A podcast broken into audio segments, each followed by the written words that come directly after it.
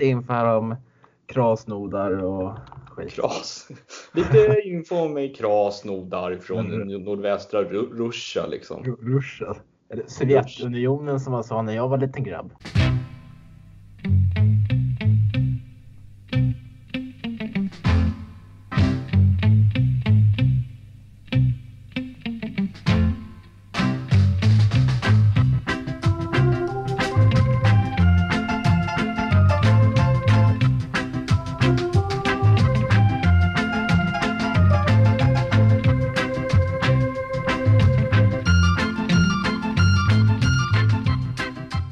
Säger vi varmt välkomna till ett nytt avsnitt av CSS-podden och eh, vilket avsnitt i ordningen var då Kevin? Jag har inte den blekaste aning som vanligt så det är bara att uppdatera mig. Jag tog det lite på, på sängen men eh, avsnitt 81 är det. Shit, vad, vad sa vi att vi skulle nå 100 innan årets slut? Det kan ju bli svårt i och för sig. Ja, det är 19 avsnitt kvar. Eh, exklusive det här då och vi har eh, lite mer än två månader på oss och då får vi lägga in ett jävla tempo. Det är mer än två avsnitt i veckan om, jag, om min snabba huvudräkning här är korrekt.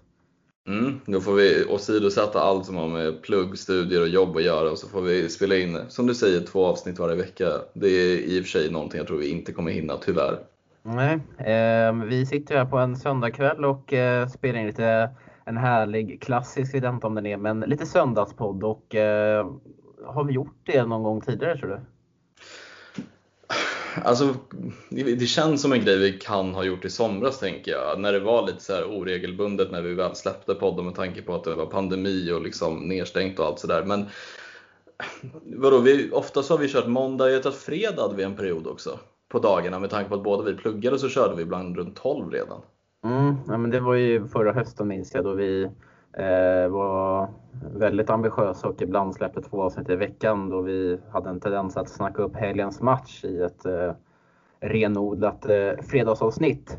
Eh, men, och sen blev vi lite het på, jag minns i januari, när det blev, eller inte januari, det var i december när det, när det stod klart att Chelsea fick värva under, eh, under januarifönstret. Då sprang vi båda hem från respektive skolor för att eh, spela in ett poddavsnitt och eh, satt och flög iväg lite och drömde om vilka spelare som Chelsea kunde ta in under januarifönstret men det slutade med att vi inte tog in en endaste kotte. Så det var ju ett eh, jävla antiklimax. Ja, nej, men jag kommer ihåg att jag var så här, men nu startar jag liksom den här deadline day, eh, vad ska man säga, eh, eh artikeln liksom på Svenska fans. Och bara, men nu kommer det vara mycket att skriva om. Den hetaste potatisen under den kvällen blev ju Solomon Rondon och det var ju inte jättekul att skriva om. Och sen var det ju Dries Merten som, som det skrevs om, men det, det, var, det flög inte jättemycket. Nej, det gjorde ju inte det. Eh, har du läst, eh, det kom ut en intervju i fredagskväll var det ju från The Mirror med, eh, om André Schürrle. Hans eh, lite kritik mot eh, José Mourinho. Mm, ja, men vad var det att han hade blivit eh, väldigt illa behandlad av José, att han kunde ibland starta till att liksom gå upp till läktaren och sen komma tillbaka, sitta på bänken och så in i startelvan och upp på läktaren igen. Ja, men det var att han, eh, lite rest, eh, ordagrant, att han inte kunde hantera den pressen som, den press som Mourinho la på honom. Och att mm. han upplevde att han ibland under träningarna kände sig som att Mourinho bara, bara tittade på honom. Eh, vilket han själv, eller vilket, vilket han trodde då, men som han säger nu inte förmodligen var fallet. Och eh, jag tycker det är ju lite synd med, eh, om, eller med André Schülle som eh, la av karriären nu i somras efter att ha brutit kontrakt med Borussia Dortmund endast 29 år gammal. Eh, deklarerade ju för då att, eh, att fotbollen gör en rik med ensam, men ensam. Eh, och eh, det var ju en spelare som, eh, som jag uppskattade, uppskattade väldigt mycket i Chelsea. Men det känns ju som att det här är ju bara ett ytterligare bevis på att han inte var, att han inte riktigt pallade det psykiskt att, psykiskt att vara en professionell elitspelare. Eller en ja, på elitnivå. Ja, nej, men det är väl klart jag kan hålla med om det. Sen får man ju se till hans meriter. Nu har jag haft ändå bra perioder i både Borussia hade han i början och i Wolfsburg. Men eh, som du säger med liksom facit i, i hand att det flög väl kanske inte riktigt i alla klubbar ändå. Men jag minns ju ändå honom som en så här, en injektion när han kom till Chelsea. Han var ju ganska anonym när han kom från Mainz. Och man liksom, eh, det var väl den perioden vi hade Oscar, kommer jag ihåg, tillsammans med Eden Hazard och lite andra spelare. Och Schüller flög lite under radarn, men han hade ändå fina matcher där han kunde stå för några mål. Och han var ju en ganska målfarlig ytter. Och det var någonting jag liksom uppskattade så här skär, skar in mycket från kanten, kunde liksom använda båda fötterna och var ändå ganska giftig och också så här, tog ett stort jobb hela tiden på planen. Men det är ju som du säger, det liksom flög aldrig riktigt. Det var ju lite så här, enligt mig lite Solomon Kalou, att det var, man såg någonting i honom men det var riktigt aldrig den här största höjden man kunde nå. Mm. Men eh, jag minns också, vet du, för han blev ju såld i januarifönstret där och han blev offrad, i, offrad för eh, Quadrado där i januarifönstret 14-15 när Chelsea sedan vann ligan. Och eh, jag har något svagt minne av att eh, Mourinho var väldigt så här, benägen att eh, flyga André Schürrle till London under, eh, under eh, prisutdelningar och tog på sig medaljer och allt möjligt för att eh, han var en del av truppen under hösten där och eh, bidrog med ett par kassar och som du själv säger sitt, sitt hårda slit på planen. Har du något mm. av det också? Nej men det, det, det enda jag liksom kom att tänka på när du nämnde det här var Quadrado, vilket fruktansvärt dålig värvning det var. Men eh, jag kommer inte egentligen ihåg det med att han flög in honom. Det jag tror att du har bättre minnesbank än vad jag har när det gäller sådana grejer. Jo, nej, men jag tror att det var någonting sånt och eh, det var bara någonting som slog mig precis här och nu. Eh, så det känns också lite att de här, de här artiklarna också som The Mirror pumpar ut, de är ju lite vinklade också. Eh, mm på ett sätt som ställer José Mourinho i, ja, men i dålig dager. Liksom. Eh, det var väl det, det om André Schürrle. Vi ska väl inte fastna på den tysken när vi har flera andra tyskar att eh, prata om i det här Chelsea-laget. Men vi kan ju inte röra eller vi kan ju inte ge oss på Manchester United-matchen innan jag ställt den här frågan Kevin. Som vanligt, kör hårt. Ja, och vi möter ju Krasnodar nu på på onsdag kväll på, eller mm. borta i Ryssland. Och då undrar jag, när var det senast Chelsea mötte ett eh, ryskt lag och vad blev det för slutresultat i den matchen? Uh, shit. Uh, alltså det kan ju lika gärna vara ett av de här skitlagen från Moskva, typ Lokomotiv Moskva eller Spartak Moskva eller något sånt där. Uh, men jag tänker bara så här, okej okay, man börjar grundligt. Det är ju Zenit, Spartak, Lokomotiv och Dinamo som har väl varit i Champions League, Champions League på senaste tiden. Ehm, så det inte glömma att vi har haft ett par säsonger i Europa League under 10-talet. Mm, jaha, du sa, alltså du sa det var inte Champions League det handlade om utan europeiskt? Nej, senast de mötte ett ryskt lag bara i allmänhet. Alltså i, ja, men i en europeisk turnering. Mm. Anshi fanns ju också med i bilden, ryskt. Um, Okej, okay, men ska man sikta? Jag, jag har något svagt minne av att vi har mött Lokomotiv Moskva. Jag tar typ det. Ja, men det är fel. Uh, jag har faktiskt Rubin Kazan.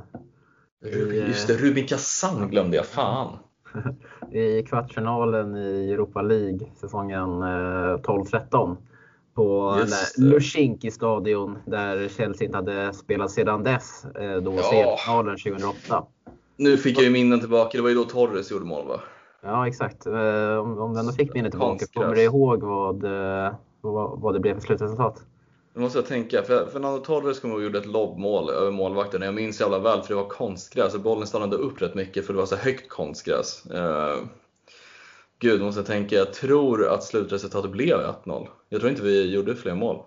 Jo, det gjorde vi. Uh, Victor Moses såg till att hänga en till också. Men uh, vi släppte in tre, så vi torskade faktiskt matchen med 3-2, men gick vidare ändå som att vi vann på hemmaplan med 3-1. Åh jävlar. Fy fan, skammigt ändå att torska Rubin borta. Ja, ja men det, är, det, det är tufft i Moskva.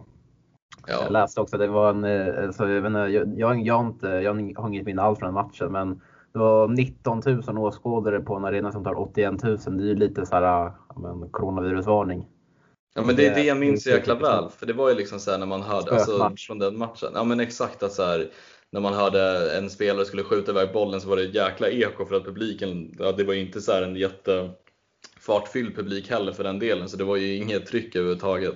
Men det var ju för att Rubin Kazan, det är ju inte ett Moskva-lag utan de eh, spelar ju någon jag vet inte om, om Kazan är väl, en, är väl rimligtvis en stad i Ryssland, men deras arena höll på att eh, byggas om då. Så eh, de fick ju spela ett par mil bort från sin eh, egna stad där de annars spelar sina hemmamatcher. Så det kanske inte var så konstigt att det bara kom 19 000 på, på den matchen. Nej, verkligen.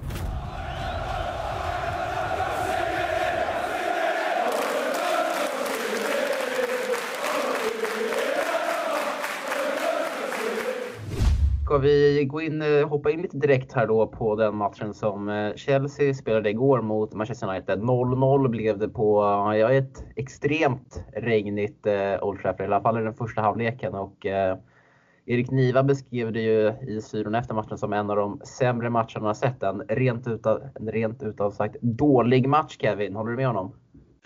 Um, det beror på lite hur man ser det. Om man ser det ur neutralt perspektiv så förstår jag Erik. Om man ser det ur liksom blåa ögon så var det ändå en match som jag tycker att man kan ta med sig bra delar ifrån. För att eh, jag tycker ju själv att det var en defensivt bra insats av Chelsea. Det är klart att vi var lite under tryck mot slutet och det var något läge i första halvlek. Men eh, sen så kan man ju önska sig lite mer offensiv. Men summa summarum så tycker jag ändå att det var en, en bra match genomförd av oss med tanke på de defensiva problem vi har haft och jag tycker att vi förbättrade oss avsevärt i den här matchen och även matchen inne mot Sevilla och jag tycker det båda gott för framtiden att vi återigen håller nollan och, och liksom kemin verkar stämma lite bättre nu. Så att underhållningsvärdet, ja, det, det var inte jättekul att sitta och titta på den matchen. Det var det inte, men jag tycker ändå så här, det känns mycket skönare ändå att känna att okej, okay, men nu torskar vi inte den här matchen med 0-1 som vi normalt sett kanske brukade göra tidigare eller att vi släpper in två kassar och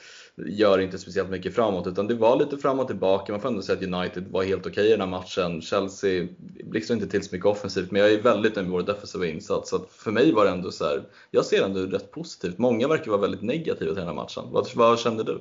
Ja, men om man bryter ner den här matchen, bara i den här matchen, så är det absolut bra att vi åker från eh, Old Trafford med, eh, med en poäng, eh, håller nollan. Chelsea hade väl haft det tufft där tidigare, inte vunnit, eller inte, har inte vunnit där på, på sju år, eh, borta mot Manchester United. Eh, och löser ändå ett eh, resultat, men jag känner samtidigt att jag är lite trött på den här, på den här att han, alltså vi pratade om att det inte fanns någon tydlig kontinuitet i i mm. Chelseas spel för avsnittet. och det bekymrar mig ändå lite att han väljer att formera en, eh, en trebackslinje här och inte försöker ändå på något sätt bygga vidare på det, på ändå det sättet han vill spela. Visst, vi får med, vi får med, får med oss ett eh, resultat eh, från Old Trafford men det känns som att man, kommer, att man kommer att få betala ränta ändå på den poängen för att nu skjuts ju hans, inte hans projekt, men nu skjuts ju hans vision upp ytterligare en match. Eh, vilket gör att det kommer bita oss i röven lite senare under säsongen på något sätt. Eh, mm. Jag hade ju varit helt öppen för att han, hade sett, att han sätter ut en, en trebackslinje om, det vore, om, det, om fallet vore så att eh, Chelsea hade en innehållande spelidé och eh, man gör det eftersom att man är ute efter ett visst resultat i matchen. Men nu känns det som att det på något sätt så är det lite av ett panikdrag från Frank Lampard. Och att, eh, och, och att det inte kommer hålla i längden. Ja, alltså jag förstår ju vad du menar och jag håller verkligen med om den här kontinuitetsdelen. Att varför egentligen ändra konceptet från Sevilla-matchen mot United? För att United, Sevilla, Chelsea, jag tycker ändå att det är en ganska jämnbördig nivå på spelare i laget. Och jag känner liksom så här spontant att en fyrbackslinje hade kunnat funka lika väl mot United. Eh, och jag håller ju helt med dig om att man bör ju spela in ett spelsystem och en filosofi och en vision väldigt snart. För vi har ju varit inne på det väldigt många gånger tidigare att jag, vi ser ju inte någon riktigt tydlig spelidé eller vad det är för spel liksom, han vill ens ha med det här laget. Utan är det en defensivt orienterad eh, fotboll eller är det liksom en offensiv fotboll? Är det en possession fotboll? Vi vet ju fortfarande inte riktigt det. Och att liksom ändra till en trebackslinje, till en fyrbackslinje, till en trebackslinje och ändra till 4-3 bla bla. Det, det, är väl lite så Lampard kanske vill spela, men jag är inte jätte... Jag har sagt att jag är för flexibilitet, men jag tycker ändå som det ser ut nu att nu har vi fått in alla nyförvärv, vi vill spela in det här laget och då tycker jag att man bör kanske hålla sig till ett spelsystem just nu och kanske flexa mer när alla känner till spelvisionen. Just nu känns det inte som att alla gör det, precis som du säger, att det är lite så här, Det blir lite konstigt, för jag, jag känner ju på ett sätt också att ser man till individuella kvaliteter som var ute på plan igår, då var det ju liksom Chelsea tycker jag som hade de största spetsspelarna. United absolut, de har ju Rashford, eh, Bruno Fernandes och Pogba och Cavani kommer in. Men startspelarna i matchen igår tyder på att ändå att det är ett lag som Chelsea är bättre och bör kunna ta tag i match, match, eh, själva matchen mycket bättre än vad vi gjorde igår. För vi spelade med Pulisic, Havertz, Werner, eh, Jorginho, vi hade Kanté, Chilwell, eh, Aspilicueta, James. Vi hade ju i princip vårt bästa lag ute på planen sett till de spelarna och jag tycker att vi bör kunna föra den matchen lite bättre än vad vi gjorde.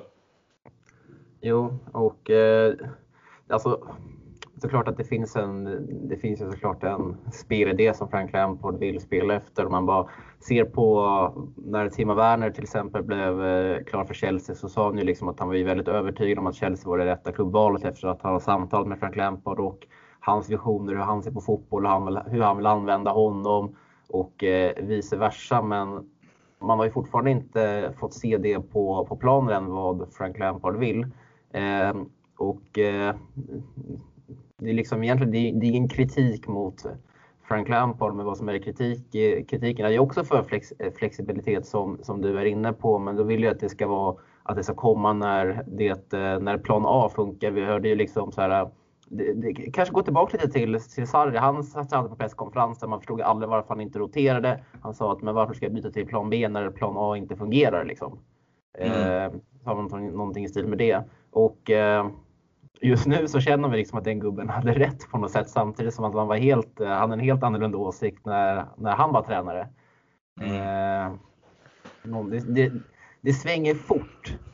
Eh, men jag är helt med där. Alltså jag vet, man blir lite besviken. Alltså, man, man, när man ser Chelsea startelva jämför den med Manchester United så känns det som att den, du vet, på pappret så har ju Chelsea ställt upp med ett eh, mycket starkare lag. Men eh, det är ändå United som skapar de heta målchanserna inte och tycker ändå på något sätt att de för matchen. Alltså, Chelsea hotar ju inte.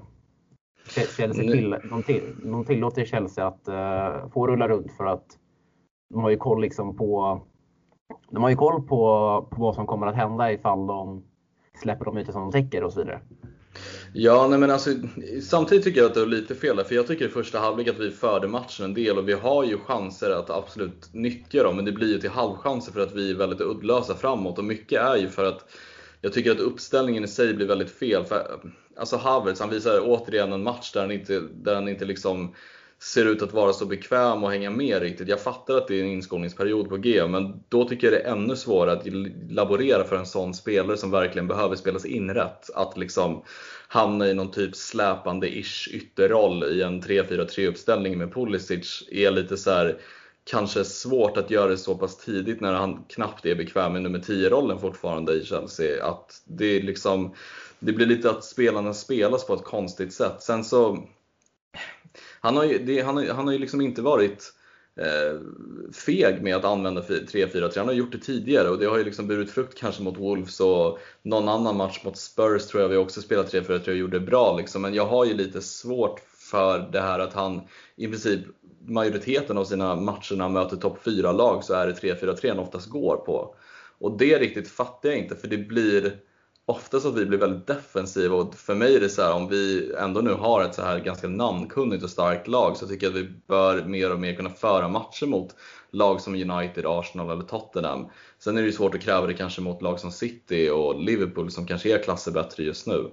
Ehm, så att jag vet inte, jag, jag, jag, tycker, fast summa summarum så tycker jag ändå att det är en, det är en bra defensiv insats och jag har nästan skrikit efter det så jag köper ändå att så här, vi var lite uddlösa framåt, men att vi återigen håller nollan med en ny centrallinje som jag tycker ser mycket bättre ut gör mig ändå nöjd på något sätt. För jag märker ju också på sociala medier att det spelas, eller så att folk blir helt jävla galna över att vi inte hade någonting offensivt den här matchen eller mot Sevilla. Men då blir jag så här, okej okay, vi klagar ju på försvarsspelet när vi spelar jättebra offensivt. Nu klagar vi på det defensiva för att det blir tråkigt framåt. Det blir så här lite ge och ta. Vi måste ju ha en balans också. Vi måste få in en defensiv. För jag menar, vi vinner inte turneringen med en svag defensiv. Vi måste ha en ryggrad också. Så jag tycker det här är ändå bra på ett sätt. Ja, men eh, det är ju ändå ett bevis på att eh, Chelsea knappt är i närheten där de vill, eh, vill ändå vara rent spelmässigt. Och det är därför Frank Lampard ändå väljer att formera den, eh, den formationen, den startelva som man som ändå väljer att göra i den här matchen. Eh, mm. Samtidigt också, om helt plötsligt sitter Rydiger på bänken som har inte varit i laget sedan, när då egentligen? Sen, fan är mm. Brighton i början av säsongen, liksom första matchen. Mm. Så det ja, och inte spelat en minut heller. Nej, så det är ju extremt, eh, det är märkligt men jag hoppas att han Eh, att han eh, löser det här snarast. Men eh, inför den här matchen Kevin, eller under den här matchen så bad du dig att du ska plocka ut tre spelare från den här matchen i Chelsea som du, som, mm. som du tycker stack ut i uh, ja, antingen i en positiv eller i en uh, negativ bemärkelse. Ja, uh, ska vi dra lite varannan då eller ska jag köra mina? Nej men vi kan ta en, en varannan. Vi diskuterar mm. den enskilda spelaren och dens insats. Ja, men jag kan börja med den, den första jag skrev ner som jag tänkte lite extra på eh, var Jorginho som jag eh, jag tycker han återigen visade att han, att han inte liksom har på den högsta nivån att göra när det väl gäller. Jag tycker inte att han hänger med. Defensivt tycker jag han är alldeles för slö för att kompensera upp liksom hans styrkor. För oftast när spelare vet sina brister så kompenserar man det på ett annat sätt. Men Jorginho har inte kvaliteterna att göra det. För säga vad man vill om hans passningsfot, han kanske har stått för lite mer assist och poäng den här säsongen. Men när man tittar på honom individuellt på planen så hänger han inte med. Det är, kontringar mot honom där Kanté får liksom ställa upp efter honom konstant. Eh, jag tycker inte heller han bidrar så mycket framåt den här matchen. Det här är en sån här match där jag tycker det, det är så konstigt att Kovacic inte ens får komma in den här matchen. För är, den här är som klippt och skuren för honom, den här rollen att vara en tvåvägsspelare som kanske inte behöver ligga liksom bakom anfallen utan han kan ligga i mitten hela tiden, vinna boll, fördela boll, transportera boll. Det här är en Kovacic matchbild. Jag förstår egentligen inte varför Jorginho spelar sådana här matcher och just nu går före Kovacic. Eh, så tycker det var en negativ grej som sticker ut. Jag, jag förstår faktiskt inte just nu varför han spelar. Mm, nej, men jag är enig eh, med dig där och det var någonting som de var inne på även när vi har satt studion. Varför Kovacic som eh, har gjort det sjukt bra sedan starten av förra säsongen eh, fortsatt är petad ur det här laget i, alltså till förmån av Jorginho. För det är precis som du säger, jag tycker inte heller att han han håller inte riktigt i, ett, eh, i, i, eller i en tempostark liga där eh, motståndarna pressar väldigt högt eh, och eh, väldigt intensivt. Då han faller ur matchbilden och eh, kommer, kommer aldrig till sin rätt. Knappt. No, alltså, jag, alltså jag, det, det, är så här, inget ont mot Jorginho men det känns inte som att, eller som att han, hans, eh, hans brister blottas väldigt tydligt eh, i många matcher i Premier League. Mm. Nej, men, och han, för mig då, det är en solklar spelare att spela i Serie A som en liksom defensiv mittfältare som får styra hur mycket han vill. Men i Premier League är det ett helt annat fotbollsklimat och ett helt annat tempo. Du kommer aldrig kunna ha den tiden han förväntar sig ha här. Det, det funkar inte så. Det, det, det är därför det inte heller finns registas likt Pirlo som det, som det har gjort i Premier League. Utan de som är balansspelare i Premier League är ofta stora, starka, snabba och passningsskickliga. Jorginho är passningsstark. Sen har han inte så mycket mer att gå på. Han har väl liksom ibland kanske lite positiva vibbar framåt med några enstaka passningar. Men han har ju ingen löpkvalitet, han har ingen speed, han har ingen styrka och han har oftast en tendens på sig att dra på sig gula kort tidigt i matchen vilket gör det ännu svårare för honom att spela. Mm. Eh, ja, jag är också lite konst, eh, konfunderad där över att inte Kovacic heller fick komma in i den här matchen och tyckte att han hade ju löst United press eh, utmärkt, framförallt i den första halvleken när de mm. gick väldigt högt med sitt lag. Eh, han kan ju verkligen spela sig ur eh, sådana där situationer på egen hand tämligen enkelt. Mm. Och glider förbi sin motståndare. Jag har valt att plocka ut Chelseas målvakt Edouard Mendy. Föga förvånad. Ja, men den kändes väldigt given.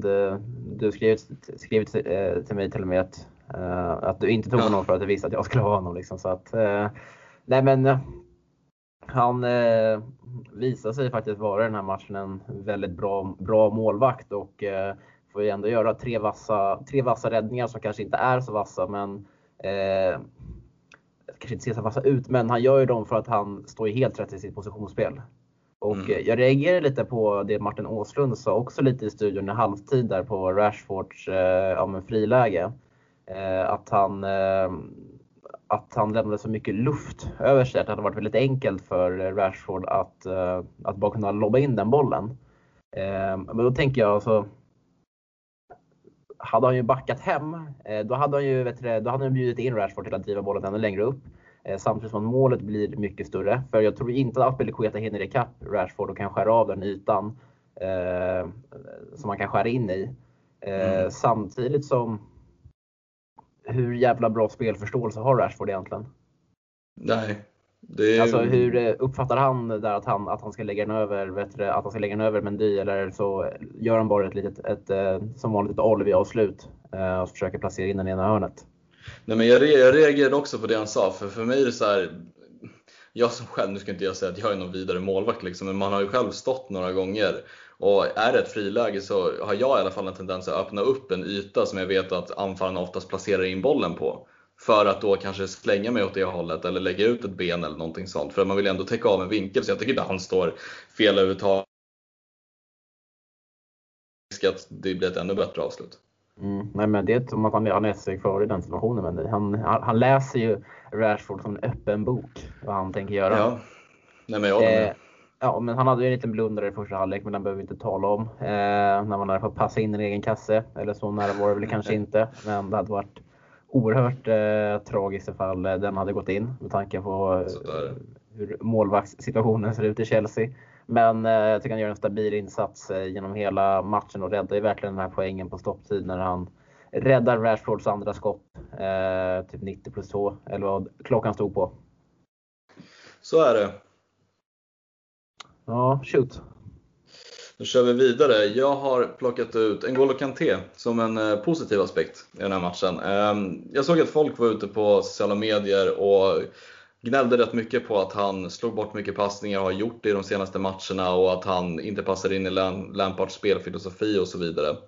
Eh, liksom så här, bara till hans försvar. Ja, det, men det är väl klart att han, han, han har ju aldrig varit den här spelaren som på något sätt fördelar boll på offensiv planhalva eller den ska slå avgörande passningar. Det har han bevisat gång på gång. Eh, det var väl ett lite så här, ett test av Sarri när han var tränare och få Kanté liksom i någon typ andra vågspelare så funkade det väl helt okej. Okay, liksom. Men det är inte en spelare som ska slå de här passningarna. Och jag blir liksom så lite irriterad också, för tittar man på en N'Golo Kanté i den här matchen vem är det alltid som är först och täcker ytorna bakom ytterbackarna när de ligger så högt upp som de gör när det är en trebackslinje? Det är oftast en N'Golo Kanté. Hur många gånger är det en N'Golo Kanté bryter bollen när Jorginho ligger fel i planen? Det är oftast han också som ligger bakom honom och får ligga också på en ganska obekväm position för Kanté, men han löser det. Och det är liksom, man måste också säga, det är väl klart att Kanté syns som mest när han har bollen och det är oftast då folk är ute och gnäller på att han kanske har lite slarviga passningar och så vidare. Men om man tittar på honom, hans defensiva jobb, han står alltid rätt. Han hjälper alltid till sina medspelare och han kompenserar ju upp Jorginhos brister vilket gör att Kanté också ibland faller ur position för att han måste hela tiden täcka upp för Jorginho. Eh, så jag, jag mer bara att ta Kanté till försvar för jag tycker att man måste också se det ur det defensiva jobb han gör. Att han gör så mycket för laget som gör att andra spelare kommer till sin rätt. Och Det är därför jag tycker också Kovacic och Kanté funkar så bra ihop. För båda två är väldigt bra på att bryta boll. Men Kanté gör det också lättare för Kovacic att transportera boll så att han hela tiden täcker den ytan. Så att, jag, vet inte, jag tänkte väldigt mycket på den här matchen att det är så många gånger Kanté kompenserar för Jorginho när han hamnar fel och inte hinner med i, i försvaret hem. För då är oftast Kanté snabb nog att vara där och bryta boll. Mm, men kanske för att, för att verkligen se Kantés styrkor så kanske man måste sätta en liten Kanté-cam i sitt öga och bara följa honom hur han löper eh, hela matcherna.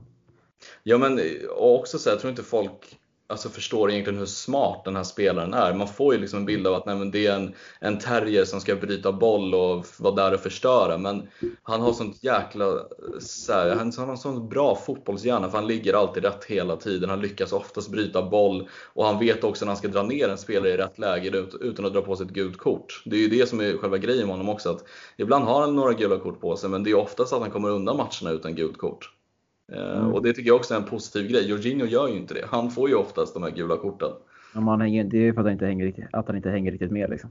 Precis, och det är ju liksom, jag vet inte, jag tycker bara att Kanté får väldigt mycket skit och har fått lite frågetecken på sig under Lampard, vilket jag förstår. Men jag tycker också att man, om man ska ge kritik till honom så tycker jag att man kanske ska ta en liten extra titt på honom när han verkligen spelar fotboll. För det finns så mycket han gör i det tysta som man inte uppmärksammar tillräckligt mycket. Mm.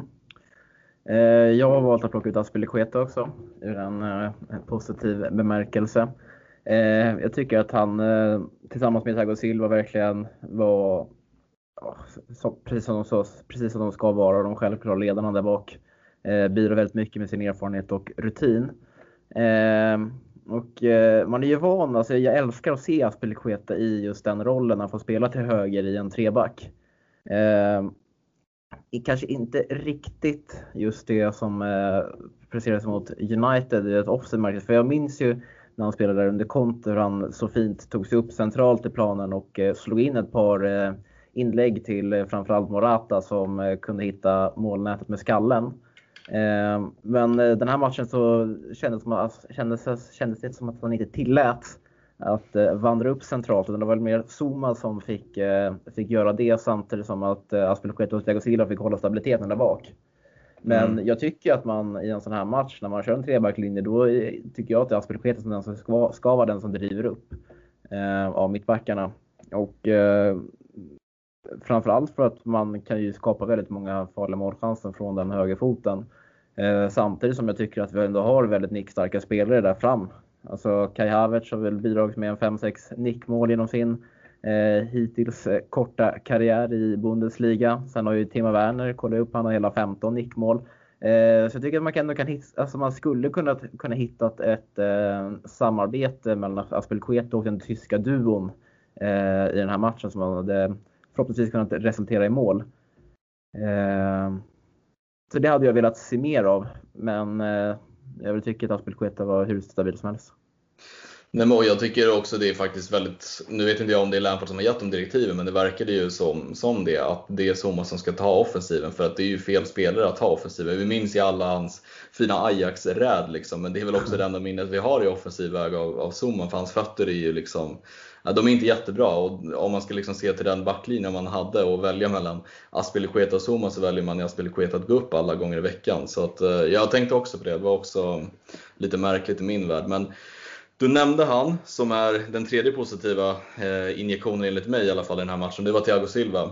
Ehm, den här fina Thiago Silva som jag har verkligen beundrat ända sedan, sedan jag började följa fotboll i alla fall, när, när han var liksom i rampljuset när han spelade i Milan och gick över till PSG. Jag tycker att han, är, han ger en helt annan dimension i Chelseas backlinje. Eh, man snackar mycket om att Mendy har kommit in och stabiliserat efter Kepa och att vi har eh, fått Zuma som har kommit igång. Men vi måste också börja snacka lite mer om Thiago Silva som jag också tycker är en spelare man ska börja titta lite extra på när det verkligen gäller. För vi har ju först brytningen på Cavani eh, när han kommer in. Eh, det är ju mål om inte Thiago Silva där med sin fot. Jag vet inte hur många hörnor han var först på, trots att han är kanske 1,83-85, vilket inte är världens längsta längd för att vara mittback. Eh, och att han hela tiden står rätt. Han är ju liksom 36 år gammal, men eh, det är liksom det är så mycket spelgeni i den där hjärnan på Thiago Silva när det gäller defensiven. Han står rätt hela tiden. Han kanske inte kan kommunicera, men han visar med liksom hela kroppsspråket hur det är att vara en, en, en mittback som styr upp ett försvar oavsett. Eh, och den här brytningssäkerheten, det var länge sedan jag såg en mittback som var liksom så säker i sina brytningar och alltid står rätt och är liksom så trygg med bollen också. Han har ju otroligt bra passningsfötter så jag tycker han har gett en helt annan dimension och en annan trygghet till den här centrallinjen. Det är lite annorlunda när Thiago Silva bryter än när Antonio Rygaard ska upp och stötbryta. Ja, då blir det oftast Dobban också före så går man bort sig. Eller Christensen som springer rätt ut mot kanten och missar brytningen. Ja, så jävla märkligt. Eh, eller, Men vad tycker du om det på riktigt? Vad tycker du om Thiago Silvas intåg när han väl har spelat? Om vi exar VBA-matchen som var ju sisådär. Eh, bra. Eh, jag eh, la inte märke till så värst mycket av Thiago Silva den här matchen och det är ju bara positivt. Det eh, beror, beror ju på liksom att han, han bidrar ju på annat sätt lite i det tysta också med, sin, med eh, bara ren och skär rutin och stabilitet. Men man minns ju det, det som det var det som du nämnde från den här matchen var ju brytningen han gör på stopptid mot eh, Edison Cavani där i eget straffområde. Eh, men eh, jag tyckte han har ja, exkluderat VBA-matchen så tycker jag att han har varit hur stabil som helst. Mm. Och det är liksom det här med den där efterfrågan, den här stabiliteten som vi inte har haft tidigare. Då har det liksom varit mycket roterande. Så nu hoppas jag bara att Thiago Silva, om det nu är Zuma som ska vara hans partner, så hoppas jag bara att de får spela ihop. Så jävla synd bara att han förmodligen bara kommer lira Chelsea en säsong. Han kanske får en säsong till. Jag, tror inte han är helt slut. Absolut inte. alltså, håller han samma nivå så självklart. Men eh, han har ju bara ett ettårskontrakt så vi får se vad som händer. Mm. Nej, så är det ju. Sista jag har plockat ut här är Christian Pulisic. Jag ska väl hålla mig rätt eh, kortfattad. Men jag tycker att det var han som var egentligen den enda spelaren som verkligen tog tag i den här matchen offensivt. Framförallt första halvlek.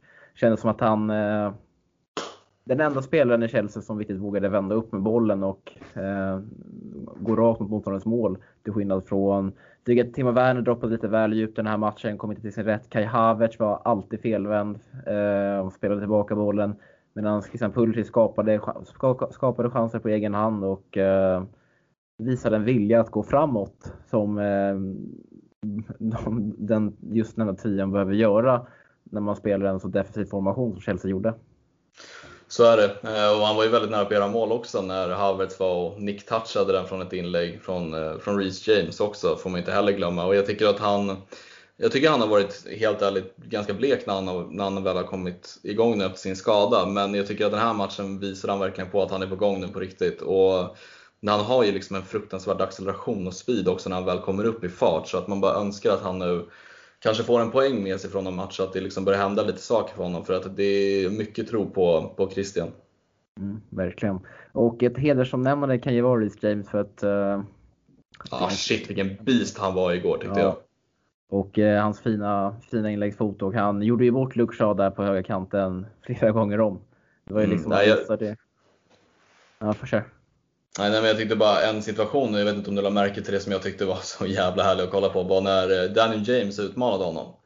Han bara axlade bort honom lite lätt och ramlade, vet det, Daniel James ramlade rätt ner i backen. Jag tycker han är, han är så jävla cool att kolla på, eller när han totalt sänkte Pogba också när han kom in. Ja, det var, det, här, det, det var ju lite en man mot en liten pojke eh, i den duellen. Mm. Jag tycker det är, det, är så, det är så sjukt med Reece James hur jävla liksom muskulös han är för sin ålder. Det var han även förra säsongen när han kom fram, att man blir såhär, alltså vad är det för lår han har eller liksom axlar? Det ser nästan onaturligt stort ut för att vara liksom så ung, men han är, alltså det, är, det är få spelare jag sett liksom tacklat honom till marken. Ja, nyblonderade rastaflätor också. Den är fin, riktigt fin fixa faktiskt. Ja, den gillar man. Hade inte passat bra på dig och mig kanske? Nej, det hade nog inte liksom så här, äh, speglat eh, oss kanske. Eller jag, jag, jag hade aldrig vågat eh, skaffa den frisyren. Jag ska bara photoshoppa en bild på dig med de här rastaflätorna och slänga in i poddgruppen så får vi se hur många likes den får. Det är bara att sätta dit så lite um, kokt spagetti liksom och hänga i håret så eh, liknar man Reece James. Eh, nej, men han har ju otrolig fysik alltså, för, sin, för sin ålder och eh, alltså, man, alltså, man blir förälskad i hans inläggsfot varje match. Jag tycker att mm. alltså, det är klockrena in, inlägg gång efter annan och eh, han är, är, riktigt bra. Men det är en sån skam att han inte utnyttjas på rätt sätt heller med sina inlägg. För jag menar, de, det är som du säger, det är, det är en helt sjuk liksom, inläggsfot egentligen, men att det är som så många gånger man önskar att vi hade, nu har vi ju Timo Werner som kanske inte har kommit fullt ut in i det än.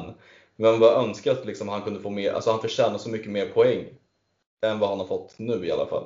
Mm, har han? Han har väl någon, eh, han har ju ett mål mot Brighton och en assist. Uh, han har väl 1 plus 1.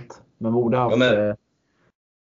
Han borde ju vara uppe i 1 plus 4 tycker man ju, minst. Ja, nej, men även förra säsongen känner man så många gånger att liksom hans inlägg är så jäkla bra, men att vi aldrig är där riktigt.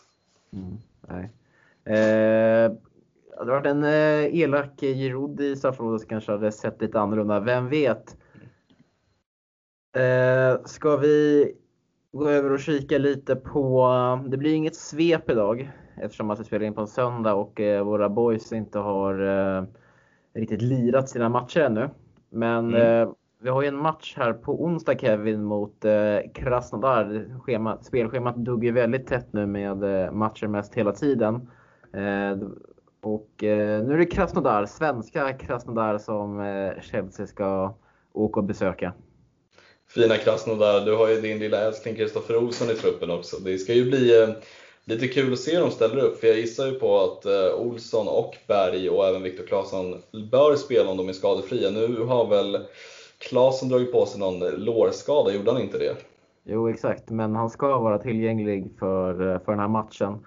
Mm. Jag kollade ju hur Krasnodar spelade i, när de mötte Spartak Moskva i lördags, där för övrigt Jordan Larsson gjorde mål. Eh, för sitt Spartak så var det ju en jätteroterad trupp. Eh, de, de, de spelade med det bästa laget mot Rennes här senast i Champions League som slutade 1-1. Och eh, det var ju 7-8 spelare som inte fanns med i helgens match som förmodligen då var, är uppvirade och fräscha Eh, när Chelsea kommer på besök på onsdag klockan 18.55. Eh, och det känns lite oroväckande med tanke på att eh, Chelsea, eller Frank Lampard har ju matchat sitt lag väldigt hårt nu. Det är ju samma spelare som har ja, men spelat tre matcher på, på en vecka här nu senast.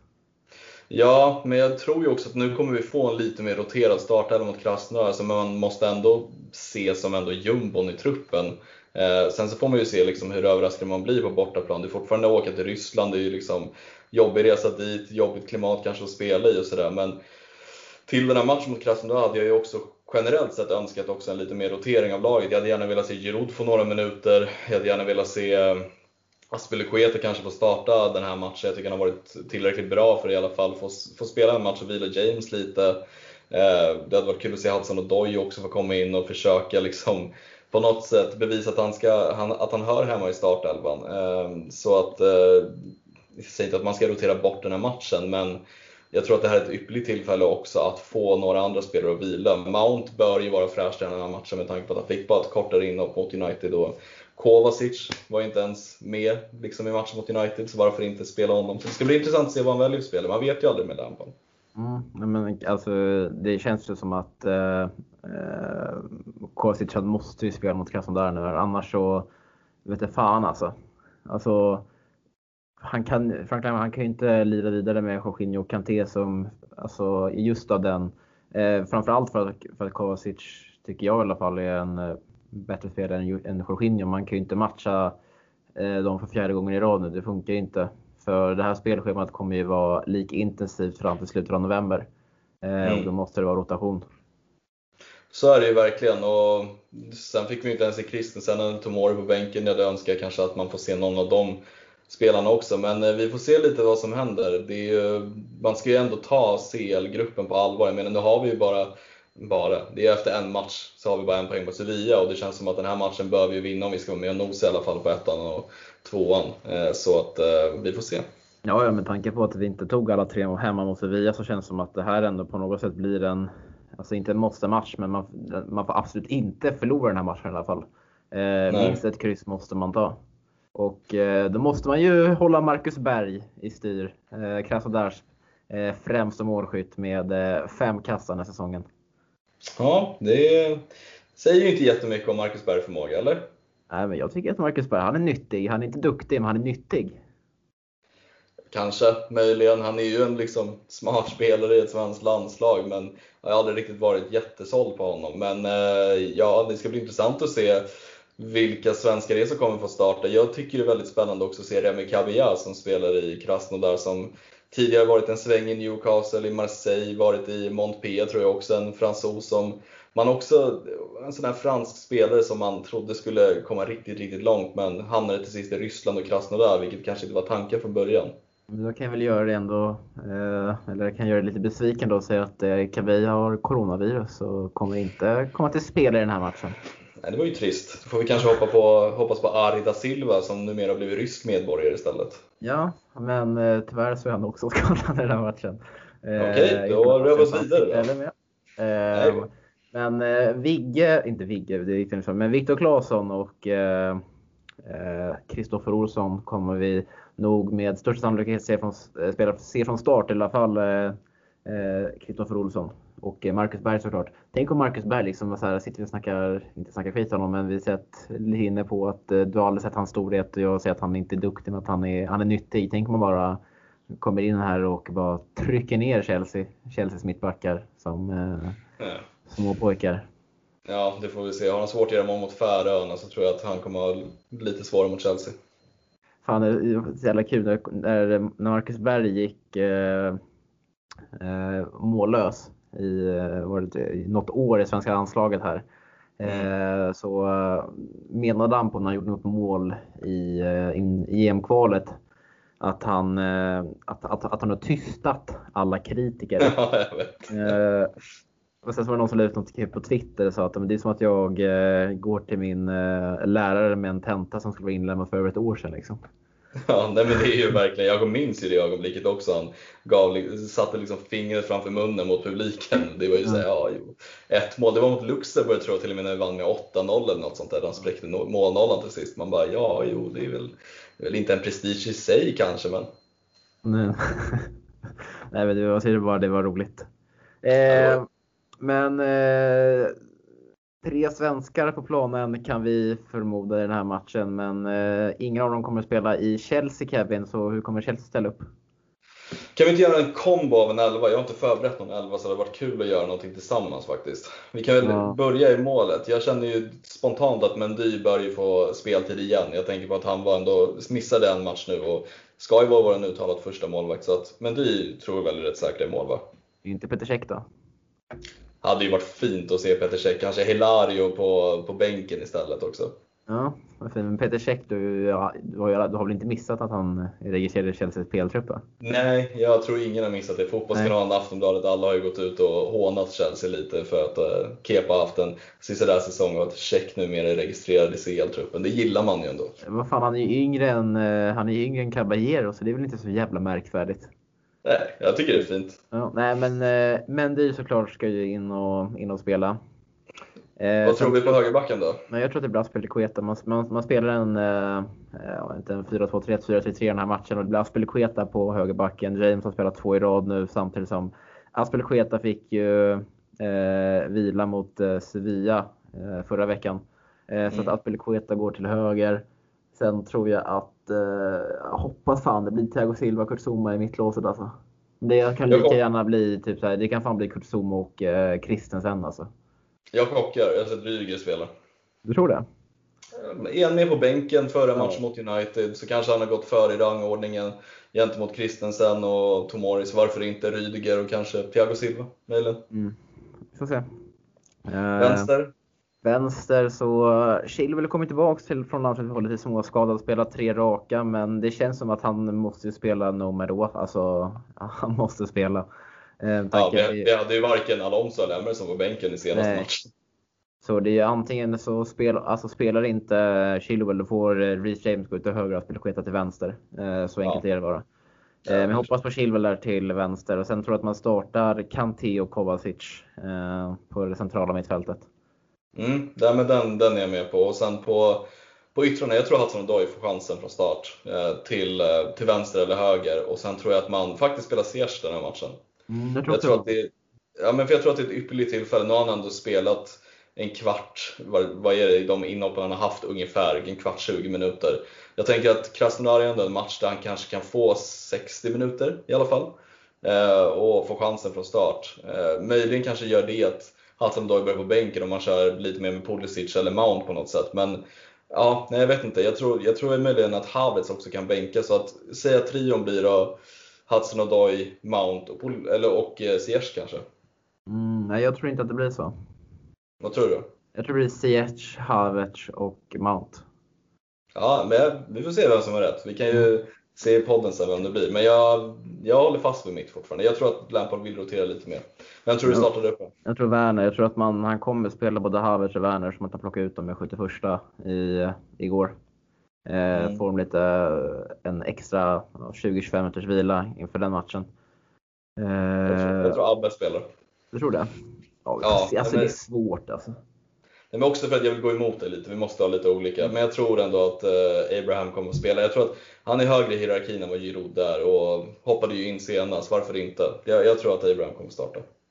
Mm, vi får helt enkelt se på onsdag Eh, då Chelsea reser till Ryssland och tar emot eller gästar Krasnodar klockan 18.55.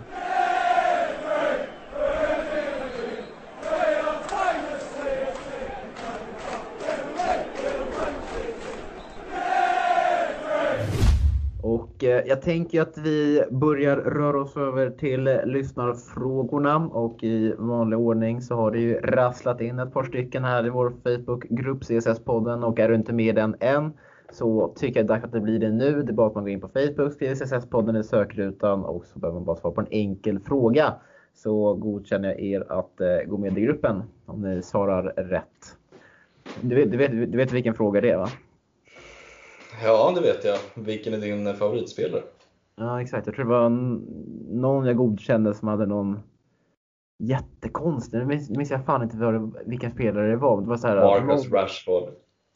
Nej, men det var ju en Chelsea-spelare liksom. Men eh, det var någon, han stack ut extremt mycket med, den, med det valet. Wayne Bridge. Ja, nej, det var någon anfall. Jag vet fan, men det var, det var lite, lite roligt. Kanske var det Maloda, jag vet inte. Nej, det var, Ja. nej, det var... Alla svarar ju Drogba, Lampard eller Terry liksom. Det är standardsvaret. Ja, jo, så är det. Eh, själv- om vi tar en fråga då från Joel Viktorsson. Hur ser vi på det växande motståndet mot Frank Lampard? Själv blir jag mörkrädd av alla som vill se honom få sparken. Eh, tycker du att eh, Lampard ska få sparken, Kevin? Nej, absolut inte på sparken. Sen så, liksom, jag tycker att man ska hålla ifrån också att ge kritik till att koppla det direkt till att man ska få sparken för att man får kritik. För att vi liksom hoppas ju så jäkla mycket på det här projektet att man, man blir ju väldigt dedikerad och det kan ju övergå ibland till att det blir nästan ett hat när, när det inte går egentligen den vägen man vill att det ska gå. Men jag tycker liksom fortfarande att han är inne i en period där han fortfarande ska sätta sin prägel på det här laget och väldigt, väldigt många nya spelare. Ehm, så för mig handlar det mer om att Ehm, man ska ge honom tid och se liksom hur, hur det artar sig. För jag tycker Lampard fortfarande har bevisat sig att han är en, en duktig tränare. Sen så har han mycket liksom att arbeta på, precis som hela laget. Så att, eh, hur vi ser på motståndet egentligen, jag vet inte. Jag förstår kanske varför det övergår till att inte hat, men liksom en, en väldigt massiv kritik. Men jag tror att det handlar så mycket om att man, det är liksom one of our own, den liksom bland de största spelarna genom tiderna för Chelsea som, som basar över det här laget med så många nyförvärv. Man trodde att skulle flyga direkt, men verkligheten är en annan. Det är svårt att spela ihop 6-7 nya spelare. Ehm, Alvin Kristiansson. Eh, har Kevin ändrat uppfattning kring längden på en målvakt? Och jag har faktiskt glömt bort eh, hur din uppfattning eh, lät. Nej men min uppfattning, det, det var fakta. Jag, eh, Donny har ju förespråkat att långa målvakter liksom är ypperligt och det är väl klart att långa målvakter alltid är en, en bra grej och att vi verkligen behövde det. Och det är väl, ja, det är väl klart att vi kanske behövde en lång målvakt men om man liksom ser till topp 10, topp 15 i världen då är det Donnarumma och det är Thea- eller Thibaut Courtois som är över 1,95. De flesta snittar runt 1,88, 1,90. Eh, jag tror att det var någon målvakt som var typ 1,86 eller något sånt där. Och ser man liksom topp 15 så är inte några målvakter över egentligen 1,95. Det är som sagt Tiba Courtois och Donnarumma som är nästan 2 meter. Resten är liksom Alisson och Oblak tror jag är någonstans 1,91. Eh, jag tror att eh, Ter Stegen är 1,89, något sånt där. Så jag menar mer bara på att det inte är en fakta att långa målvakter per automatik är bland världens bästa. Det är snarare tvärtom, att de som är lite kortare är oftast de som är bland de bättre målvakterna i världen. De är ju lite mer reflexstarka kanske. Lite mer... Lite mer Ja, eh, men sen, sen, jag, tycker, jag tycker det är en sån jäkla smaksak också. Gilla, alltså så här, du kan ju välja antingen att vara lite som Pep Guardiola och gilla spelande målvakter likt Ederson eller Ter Stegen eller jag vet inte hur bra Oblak egentligen är på fötterna. Men du kan ju ha den preferensen och gilla det eller så gillar du Mendy som är, har en sjuk räckvidd och liksom jätteluftstark som kanske inte är lika reflexmässigt stark. Men nu är ju Mendy väldigt snabb också så men det, Thibaut Courtois var ju kanske inte den snabbaste ner och upp direkt. Det är väl där Alisson och Ter Stegen är superduktiga. Eh, Thomas Elofsson. Eh, the big picture, om vi har hunnit uppdatera oss kring det som klubben gav ett uttalande om. Eh, jag har inte hört någonting om det. Nej, jag, nej, inte jag heller. Det, jag blir lite nyfiken bara för det. Eh, vad det Surfa är in här på Chelseas hemsida och eh, grotta ner sig. Men han får gärna uppdatera oss vad det är för någonting så kan man kanske besvara det. För att jag har inte, alltså brukar ändå hålla koll lite på Twitter så jag har inte sett något speciellt.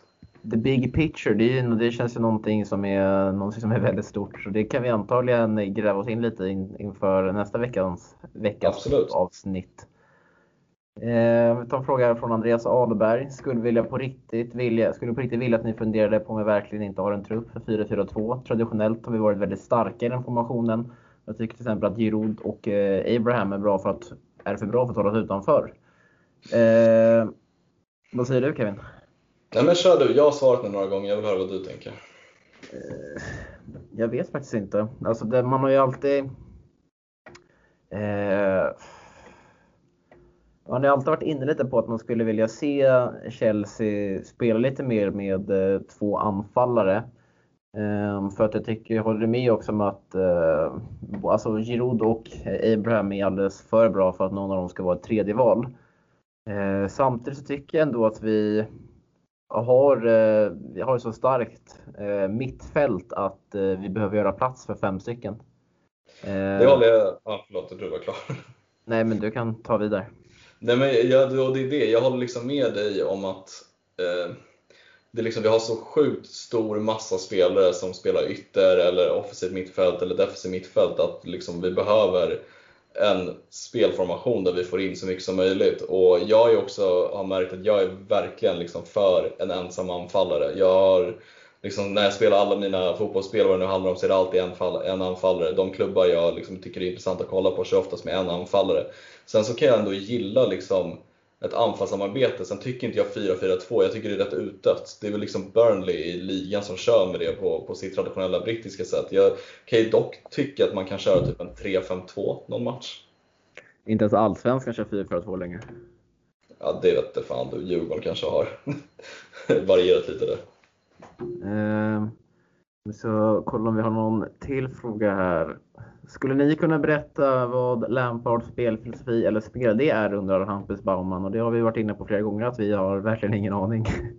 Nej, jag vet faktiskt inte. Det är en jävligt bra fråga för jag vill själv få svar på den. Men jag tycker mig ändå se liksom att han på något sätt vill förespråka en possession, stark, temporik fotboll. Men den liksom håller ändå inte längden för att vi förlorar oftast de matcherna liksom mot lag som Southampton och så, för vi får inte igång energin tillräckligt. Så, alltså helt ärligt, jag vet inte.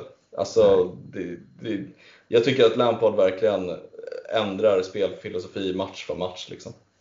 Energiskt och uttrycksfullt är väl två ord som Lampard har pressat lite på tidigare i alla fall. Ja. Ehm, ska vi avsluta med en fråga då från Ludvig Axelsson som eh, undrar, eller som tycker vi ska prata lite om hur vi tänker angående Chile, alltså Chilwell. Enligt mig är det den hittills bästa värvningen. Håller du med honom? Ja, jag skrev till och med det i någon tråd tror jag här i CSS-podden att han går före mig i alla fall framför Werner och Havertz och Thiago Silva och så. För vi har en helt annan stabilitet och en helt annan vänsterkant med Chilwell också med tanke på att vi kunde ju vara inne och flera gånger berömma Alonso för hans offensiv men hans bristande defensiv och Emerson har ju knappt fått spela och sen har vi det gick ju så långt så att Aspelekueda också spelar vänsterback. Nu är det ett helt annat läge. Med Chilwell får vi en tvåvägsspelare på vänsterkanten som är bra i, lika bra i båda riktningarna tycker jag i alla fall. Och jag tycker att det han har visat hittills, det, det ger liksom också backlinjen en helt annan stabilitet och kan språket och det var inte speciellt långt för honom att flytta så att han har ju lättare att komma in i det. Så enligt mig tycker jag hittills är han den bästa värvningen i alla fall. Ja, lätt. Alltså, det är som att han har spelat i Chelsea sedan flera år tillbaka. Mm. Ehm, och eh, det var väl den mest, eh, eller den eh, värvningen som folk var mest skeptiska till också med tanke på eh, prissumman och vice versa. Att många menade på att man skulle ta in en Tagliafico eller en Regulon. Men absolut den av, den av Chelseas nyförvärv som har gjort, ett, som gjort det största avtrycket hittills. Så tycker han ser riktigt bra ut där på, på vänsterbacken. Mm, jag instämmer. Eh, bra Kevin. Har du några härliga avslutade ord som vi kan eh, gå och lägga oss med? Hej då. Nej men eh, härligt med lite kortare avsnitt. Jag tycker att det blir skönare flow liksom, jag tror inte det blir så köttigt för folk att lyssna på. Så det kan vi sikta på fler gånger. Mm, jag tror ändå att vi snuddar på timmen här men att vi ligger på 55 till 60 minuters inspelat. Och eh, det är ju liksom eh, det är ju inom den tidsramen man vill ligga. Det är ju liksom, det är, det är MVG-podd liksom. Ja, så är det. Ja, ja men eh, härligt. Då får jag eh, bara skjuta in här att ni ska följa oss på sociala medier på Twitter och på Instagram. Vi på Twitter heter Chelsea Swe och det är på Instagram heter Chelsea Sweden official. Och såklart även följa vårt dagliga arbete på Svenska fans där vi pumpar ut artiklar dagligen om vad som sker och händer runt omkring i Chelsea. Och med det sagt så får jag önska alla en eh, fortsatt trevlig dag. Tchau.